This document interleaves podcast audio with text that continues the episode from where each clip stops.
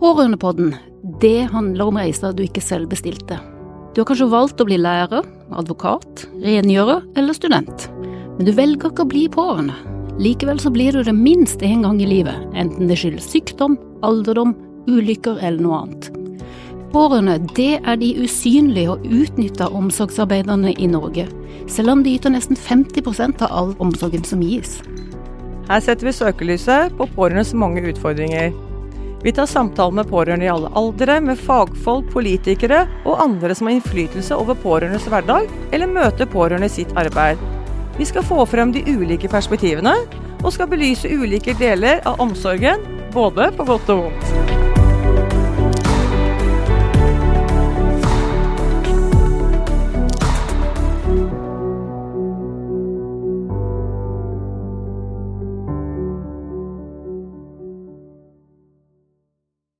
I dagens episode av Pårørendepodden så skal vi snakke om et tema som eh, vi ønsker å sette på dagsorden, og som vi faktisk har satt inn i et av våre fem arbeidsmål for den kommende perioden. Det er å sørge for at unge pårørende, vil si gruppa sånn fra 15 til 25 år, kommer inn på dagsorden med egne planer og tiltak. Årsaken til det den er ganske tydelig ute i Europa, men den har vært lite synlig i Norge, for det med young carers, eller unge pårørende, har vært en veldig stor sak. Og Europa har hatt mange tiltak og planer for det, og vi hadde jo også senest unge pårørende som på kartet 22. september, på pårørendedagen i fjor. Bakgrunnen den er som følger. Vi har vel ikke så mye tall i Norden, og veldig få i Norge, men det er beregna i Sverige at minst 7% av ungdom og unge voksne kan stå i en pårørendesituasjon. Det er noen nærstående som er eller blir syke, eller ikke er i stand til å være voksne. Det kan være bekymringer for søsken som har medfødte eller erverva tilstander, det kan være venner og andre viktige personer i livet. Det kan være at de tar på seg voksenrollen og voksenoppgaver, gjør alt fra å følge småsøsken til barnehagen og bekymre seg for økonomien. Det kan være at man har stifta familie, og at man er en ung partner som også blir syk, eller en venn som faller utenfor. Vi må anerkjenne denne gruppa, og vi må legge bedre til rette for dem. Mange av de skal nemlig i gang med sitt eget liv. De skal fullføre ungdomsskolen, de skal fullføre videregående, de skal komme seg inn på studier eller ut i arbeidslivet. Og der har vi sett at det finnes et hull i Norge, for denne gruppa i gruppa, den har vi ikke sett. Vi snakker mye om ungt utenforskap, vi snakker om eh, handlingsplaner for ungdom, men vi har ikke sett unge pårørende som en egen gruppe. Og hvilke ordninger skal man si at de trenger, for eksempel i eh, videregående skolen når de må slåss mot en fraværsregel som gjør at de ikke får fulgt opp eh, situasjonen hjemme eller får fulgt opp søsken og kan risikere å miste skoleplassen sin bare av på grunn av en sånn eh, regel, da. Så politiske beslutninger får konsekvenser som noen må ta tak i. Hvordan skal de for eksempel kunne ha en sommerjobb hvis det er de som må dra hjem og være der eh, som en omsorgsperson når en syk eh, sykdom eller annet er hjemme og de ikke får sommerjobber? Har vi da Lånekassen noen ressurser til disse? Og vi satte dette så på alvor, eh, Anne Grete, at vi har jo gjort noen ting for å virkelig synliggjøre det. Ja, det er eh, riktig det, Anita. Vi var jo ganske tidlig ute i, i forbindelse med at du har styrevervet i Eurocares, at vi så at Europa var veldig opptatt av denne ungdommen. Og vi eh, prøvde iallfall når vi skulle gi innspill til strategien, pårørendestrategien, å si at dette er en viktig gruppe eh, å få på kartet. Eh, og så har vi da funnet ut at det er ikke så mange andre som tar tak i det, så da har vi eh, tatt tak i det og har et eget mål, som du nevnte i stad. Og så har vi da valgt å ansette en ny en som skal virkelig se på denne gruppen og hjelpe oss videre med å bygge opp og finne kunnskap om de unge pårørende. Mm, det har vi. Da er det veldig gledelig å kunne si hei til deg, Kim. Hvem er du? Hei, jeg er eh, Kim Elfinstone, og eh, er jo da eh, kommer fra en stilling i Oslo kommune som pårørendekoordinator. Der var jeg vel egentlig i kommunal sammenheng den første eh, som hadde en sånn rolle. Og det, det, var veldig udefinert, så da fikk jeg egentlig ganske frie tøyler til å, å finne ut hva det skulle være selv. Eh, så jeg har da jobbet med det de siste to og et halvt årene, med å utvikle pårørendefeltet i kommunen. Det vil si at vi har etablert eh, pårørendetelefontilbud til innbyggere, eh, særlig sånn, hva skal man si, som en dør inn for pårørende. Eh, vi har eh, alle nyetablerte kommunale tilbud har et pårørendefokus. Eh, det kan sikkert virke trivielt for noen, men i stillingsutlysninger så har man fått med at en arbeidsoppgave er å samarbeide med pårørende. Så det er en del sånne både formelle og tekniske ting. Uh, og så har jeg tidligere jobbet som gruppeleder på seksjonsstøtte, eller på, på uh, sorgstøttesenteret ved Ahus, mm. uh, barnegrupper som jeg hadde ansvar for der. Og så har jeg jo da jobbet en del i habiliteringstjenesten for barn og unge, um, og har jo da mastergrad i atferdsanalyse, eller atferdspsykologi, da. Og har mye erfaring egentlig da, viste det seg for min egen del, da jeg begynte å reflektere over det, med å samarbeide med pårørende også der for mye av jobben var jo egentlig det å formidle til foreldrene hva vi fikk til med barna, sånn at de kunne prøve å, å få til det på egen hånd. Og det var det kuleste med jobben, det var å på en måte kunne bidra eh, inn i familier på den måten. Mm. Så, så, så, kan man jo si at før det igjen så har jeg jo jobbet litt i barnehage og litt sånne ting, så det har vært mye unge, da. Ja. Så er du ung selv, og det er jo også en, en, fordel med å ha det blikket som vi tenkte også å ha med når man skal ut og nå denne gruppa som vi nå tar tak i. Men vi skal jo ikke si det at det ikke har vært satsa på unge, men det har ikke vært så definert tydelig hva er en ung pårørende? Eh, for vi har jo hatt eh, barn som pårørende hvor vi har fokus på barn og unge frem til 18 eh, år, og så har vi hatt noe snakk om det som kalles for young adult carers og unge voksne, og, og hvem er de, og så kan man si um, ja, det finnes barn som pårørende som er det fra de blir født til de blir 18, og så er det noen som kanskje blir det i tenårene og blir det da videre, og alle skal på en måte ha med seg noe og komme seg videre i livet sitt. Tenker du det er noe forskjell på om det har vært noen barn som pårørende eller ungdom som er pårørende?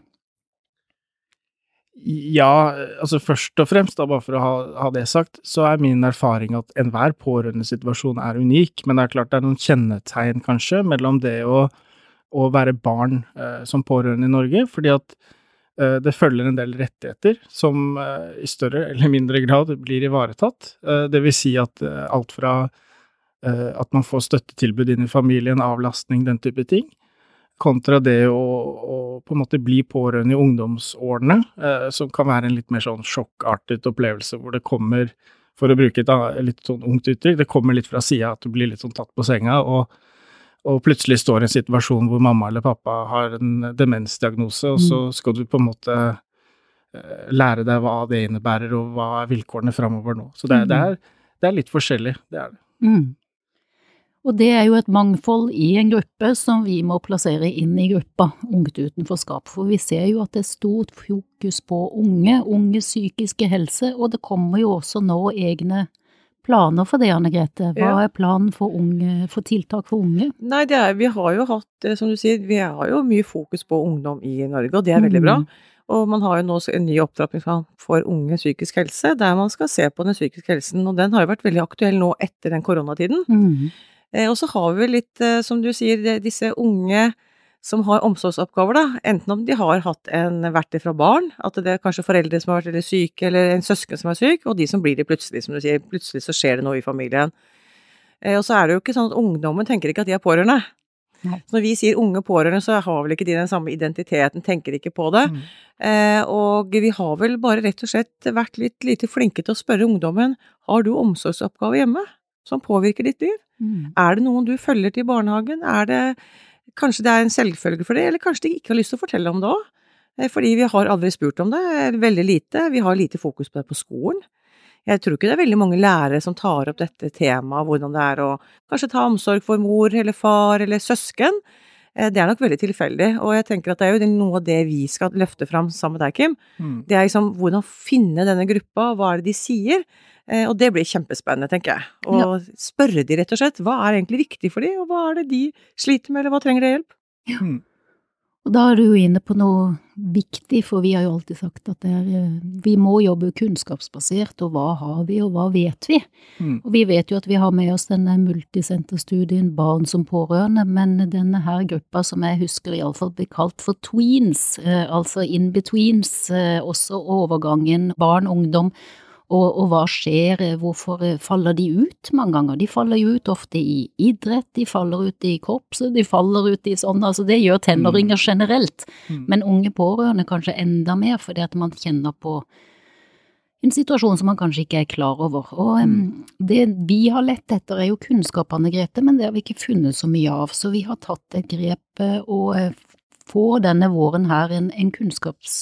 Opp, altså en en rask spørreundersøkelse gjennomført statistisk eh, via et, eh, en, eh, som vi et firma vi har engasjert til det, så det gleder vi oss til å fortelle litt mer om hva som vises i den undersøkelsen litt senere. Men mm. Kim, tror du at, hva, hva tenker du at unge pårørende gjør hjemme? Nei, altså vi, vi, ser jo fra, fra, litt sånn individuelle studier fra land vi kan sammenligne oss med, som type Sverige selvfølgelig, mm. men Storbritannia, Australia og litt sånn vesteuropeiske land, at Eh, det blir jo mye arbeid hjemme for mange unge pårørende mellom 15 og 25, mm. Eh, som eh, kan dreie seg om alt fra å lage mat til å handle, til å betale regningene. Altså kanskje ikke alltid med egne penger, men holde oversikt over disse tingene. Og, og så viser jo mange av de samme studiene at denne gruppen da er mer utsatt for å utvikle psykisk og fysisk helseproblematikk, både på kort sikt og lang sikt. Sånn at uh, vi trenger å vite om hvilke forhold som er gjeldende her i Norge. Uh, absolutt. Ja, for det når vi, da vi gjennomførte våre pårørendeundersøkelser i 2016 og 17 og 17 18, så fikk vi en gruppe som svarte, det var rundt 300 stykker. Og de har jo svart at uh, hva hjelper du til med, vaske, rydde, hente posten, bli mm. med på legetimer, DPS og lignende, penger, kjøre rundt, faste besøk på institusjonen Mm. få vedkommende innlagt på sykehus tross protester. Altså det er jo ganske heavy oppgaver en del av de har, sånn eh, også overfor den de er pårørende til, og, og i hjemmet. Mm. Og så er det jo hvordan det påvirker de da. Gjør det tyngre å gå på skolen. Gikk på lokal skole, men eh, fullførte med tre fag ut av ti, og valgte deretter å flytte mm. for å komme bort fra det å være hjemme. Altså, vi snakker jo om at situasjonen hjemme kan gjøre det så direkte påvirkelig på skole og studier og det å komme ut i jobb, at enten så kan de gå litt dukken i situasjonen, eller de tar eh, grep og mm, gjør noe mm. med det aktivt. Og det er jo der vi er, hva skal til for at de klarer det, og klarer å komme seg videre med eget liv? Mm.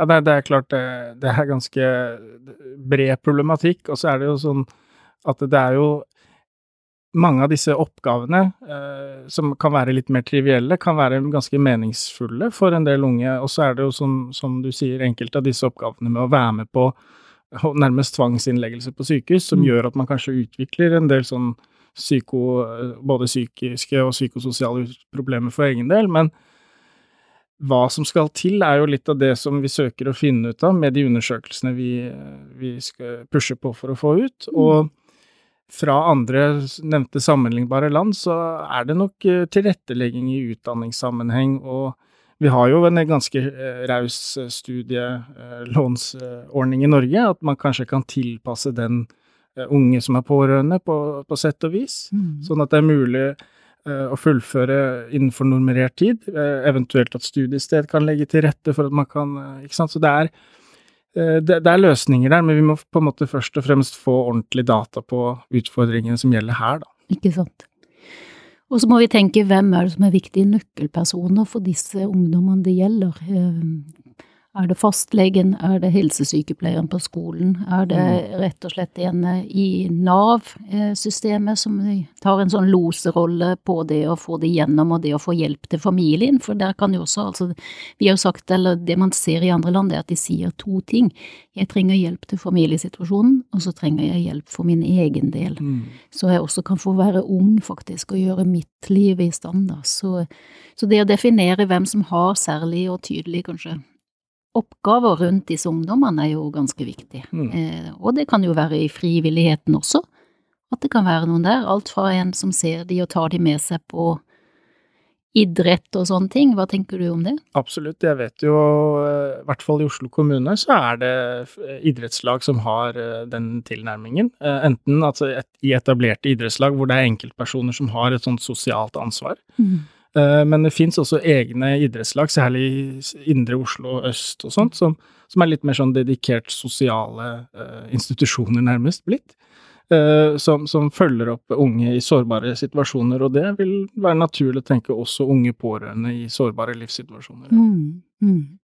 Jeg tenker også litt eh, Vi har jo mange arenaer i dag, som du sier, Kim, som jeg er helt enig i er at de er jo det er unike. Mm. Vi er jo forskjellige, de ungdommene, og noen trenger mye hjelp, og noen vil egentlig ikke. De syns de greier det. Og jeg tenker kanskje en av de største eller viktigste oppgavene vi kan gjøre, er egentlig å spørre dem. Når vi ikke har spurt dem om en, et område, mm. så vil jeg anta at det er veldig mange av de Altså, vi har allerede mange gode tilbud i dag.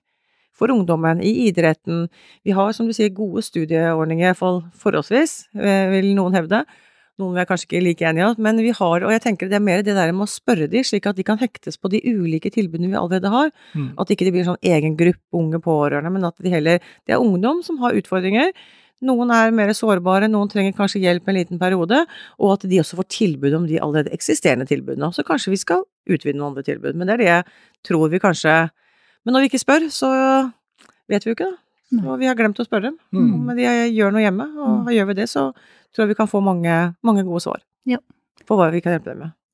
Mm. Og allsidighet og mangfold er jo like viktig der som alle andre, fordi du kan jo være 18 år og og den voksne hjemme, du kan være 18 år, den minste hjemme som ikke har flytta enda, og dermed så faller alt på deg av den grunn, altså det er, det er mye som kan være der, og vi må jo se, se på hva som ligger der. Mm. Jeg synes det var én ting, ting, som jeg tenker kan være viktig, som man mm. snakker alltid om hva skal være unge pårørende, det er jo også at vi vet eh, at veldig mange av de unge pårørende har veldig mye ressurser. Så det er ikke bare kanskje at de trenger hjelp, men at de kan mm. brukes til det, fordi de har ofte tatt mye ansvar, de har mye omsorg i seg, det er veldig mange som har mye, utvikla mye empati. Mm. Så det er også den biten at vi kan se er det noe dere kan Vi vil at vi skal bruke det til. Mm. Eh, for det også er jo som eh, du sa, Kim, altså det er en ressurs. altså De, de føler at de mestrer. Mm. Eh, og at de også kan ta med seg den gode tingene de er i den rollen. da og kan bidra overfor andre. Tenker også Det er litt viktig å få med seg ikke bare at de trenger hjelp, men mm. også at de kan være en stor ressurs for andre. Mm. Så er det jo én dimensjon med det å være ung som også er viktig, og som kanskje ikke er så veldig mye fokus på, men det kom noen egne rettigheter for eh, noen år siden til søsken.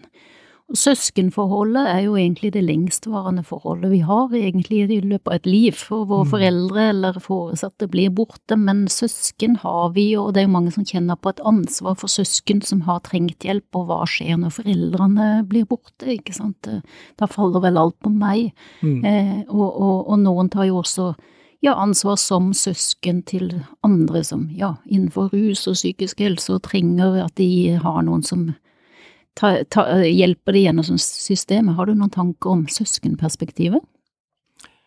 Ja, det har jeg definitivt. Eh, og jeg kan jo selvfølgelig dele veldig holdt å si litt overfladisk, men litt fra mitt eget liv òg. Jeg har jo da vokst opp og hatt eh, to foreldre, og så til slutt én forelder med et rusproblem, eh, og en søster. Og vi har jo da vokst opp hver for oss. og og det å på en måte da, for min del da i hvert fall, uh, bruke motivasjonen og på en måte vise Jeg var storebror. Uh, bruke det som motivasjon og liksom vise vei at vi går på skole, og vi går mer på skole enn vi må. Det vil si vi tar høyere utdanning. Vi, vi, vi gjør Vi prøver liksom å bryte denne her sirkelen.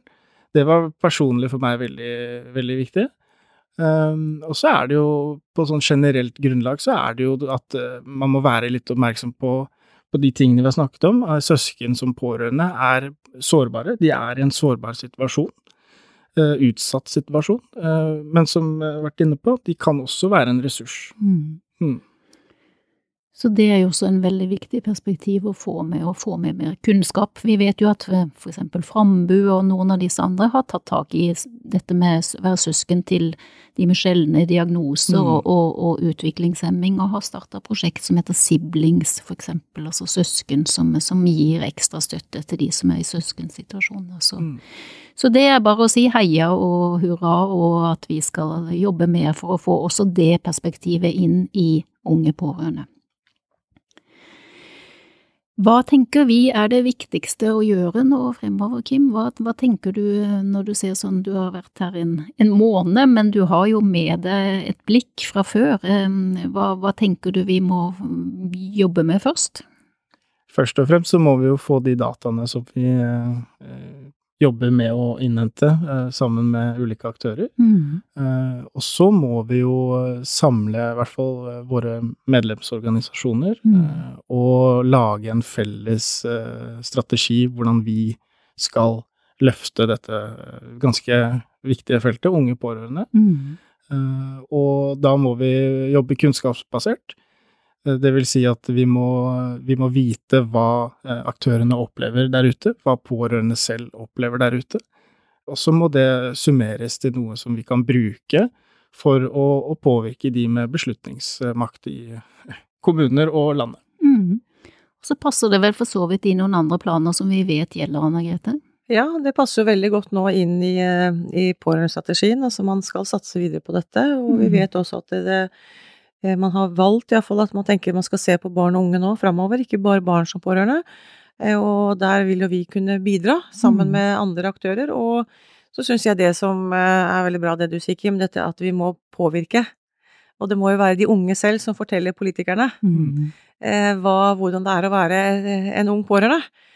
For det er ikke noe som har spurt dem om, og det tror jeg vil ja, og den erfaringen er nok at jeg tror det er mange politikere som ønsker å høre på de unge. Mm. Eh, for det er noe de ikke vet om, og da er det noe mm. nytt. Og det mm. er også noe som gjør at politikerne tenker at oi, nå tilføres med ny kunnskap, og vi må se de, de, de personene. Så det blir spennende. Mm. Eh, og ikke minst at vi har et så godt samarbeid med de som jobber med pårørendestrategien. Mm. Eh, det er vi, er vi, veldig glad for, for da kan vi sammen dra dette her opp på et nasjonalt nivå og hjelpe veldig mange i Norge. Ja.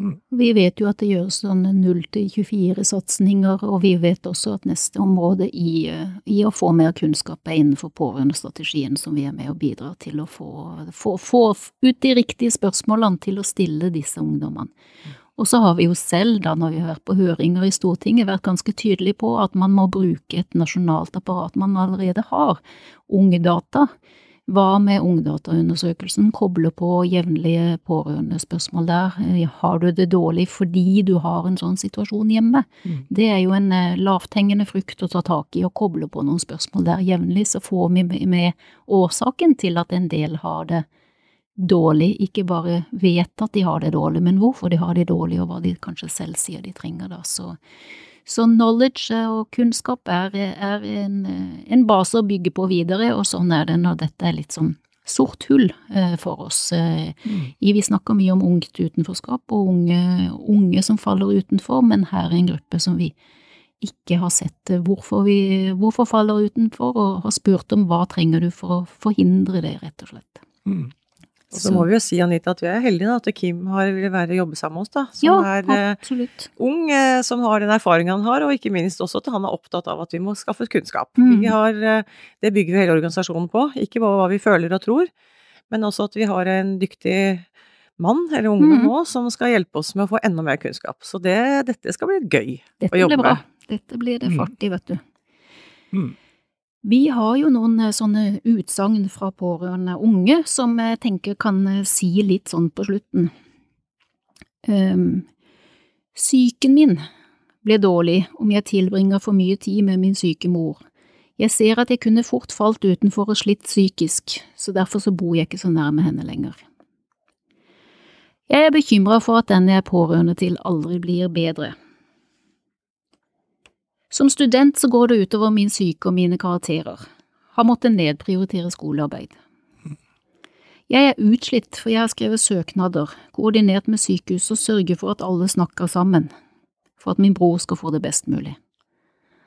Altså, det er jo der vi ser at det ligger noen eh, utfordringer som vi må ta tak i, og som kanskje har falt på litt for unge skuldre, som faktisk vi i godt voksen alder syns er tungt og, og, og, og, mye å jobbe med, og så tenker vi at disse barna de, og unge de, de, har dette som en del av hverdagen sin, og da må vi ta tak i det som var litt av målet i pårørendedagen da vi synliggjør det i fjor. Identifiser hvem er disse, mm. lytte de, og så sette inn tiltak for å hjelpe de og hjelpe familien. For det har jo også vært en tro på at eh, vi må ta disse barna ut av en sånn situasjon, vi må ta ungdommen ut av en sånn, de skal ikke gjøre det. Men er det det riktige bildet, syns du, Kim? Eh, nei, generelt sett ikke. Eh, og det, det, kan man jo sikkert eh, knytte på mye rart i norsk eh, både pedagogisk og psykologisk eh, tradisjon, eh, uten at vi skal gå inn på den debatten. Men, men, men, jo, men det er kanskje et poeng, for det henger jo ja. litt sammen. Ja. hvis vi har et problem, så tenker vi liksom at hvis vi fjerner barnet, så, så, så løser vi problemet, men ofte mm. så skaper du to problemer da, ikke sant. Da, Eh, både sånn emosjonelt, men også i et samfunnsøkonomisk perspektiv også. Så det er mange variabler å ta hensyn til. Men sånn primært så er vel kanskje i hvert fall jeg opptatt av det, det sosiale og emosjonelle der. Og hvis man kanskje kan støtte disse familiene bedre, og, og hjelpe familien og støtte den unge pårørende, og selvfølgelig den som er syk, mm. uh, på, på, bedre måter, mer effektive måter, uh, så er jo det det mest lønnsomme for alle det er det. Å satse på ungdommen og satse på eh, Det er jo noen tall som viser hva et ungt utenforskap koster, mm. og det er ganske mange millioner eh, både for den unge og for samfunnet resten av livet, så ta tak i dette igjen etter igjen og få det til, det er jo der vi, der vi er og gleder oss til å jobbe. Mm.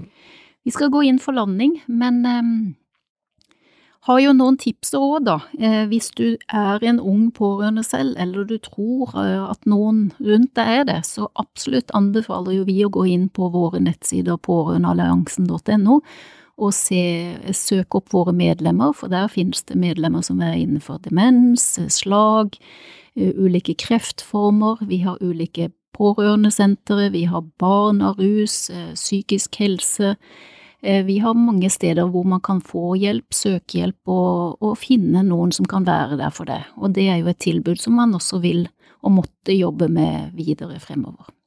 Så mm. Jeg vil bare si det er riktig, Anita, og det er ganske viktig å se på våre medlemmer. Mm. For vi ser at det er flere og flere organisasjoner nå som eh, har fokus på dette her, og det er vi mm. veldig glad for. Mm. Så at de tar unge pårørende. Se Vareta har vært flinke nå til å ta det. Ung kreft er det, som du sier. Demens og det er viktig, så hvis man har det, så gå inn og sjekk både våre sider og medlemmene, så er det av og til noen tilbud eller noen du kan prate med. Ja. Og det hjelper å ha noen å dele. Sharing is caring også på dette området her. Mm. Skal vi si det sånn? Så kommer vi tilbake med flere episoder om unge pårørende. Det er i hvert fall helt sikkert. Det er helt sikkert. Mm. Takk for nå. Takk for nå. Er dette tema for deg eller noen du kjenner? Følg oss gjerne på sosiale medier, hvor vi synliggjør og gir de pårørende stemme. Du finner alle lenkene i episodebeskrivelsen.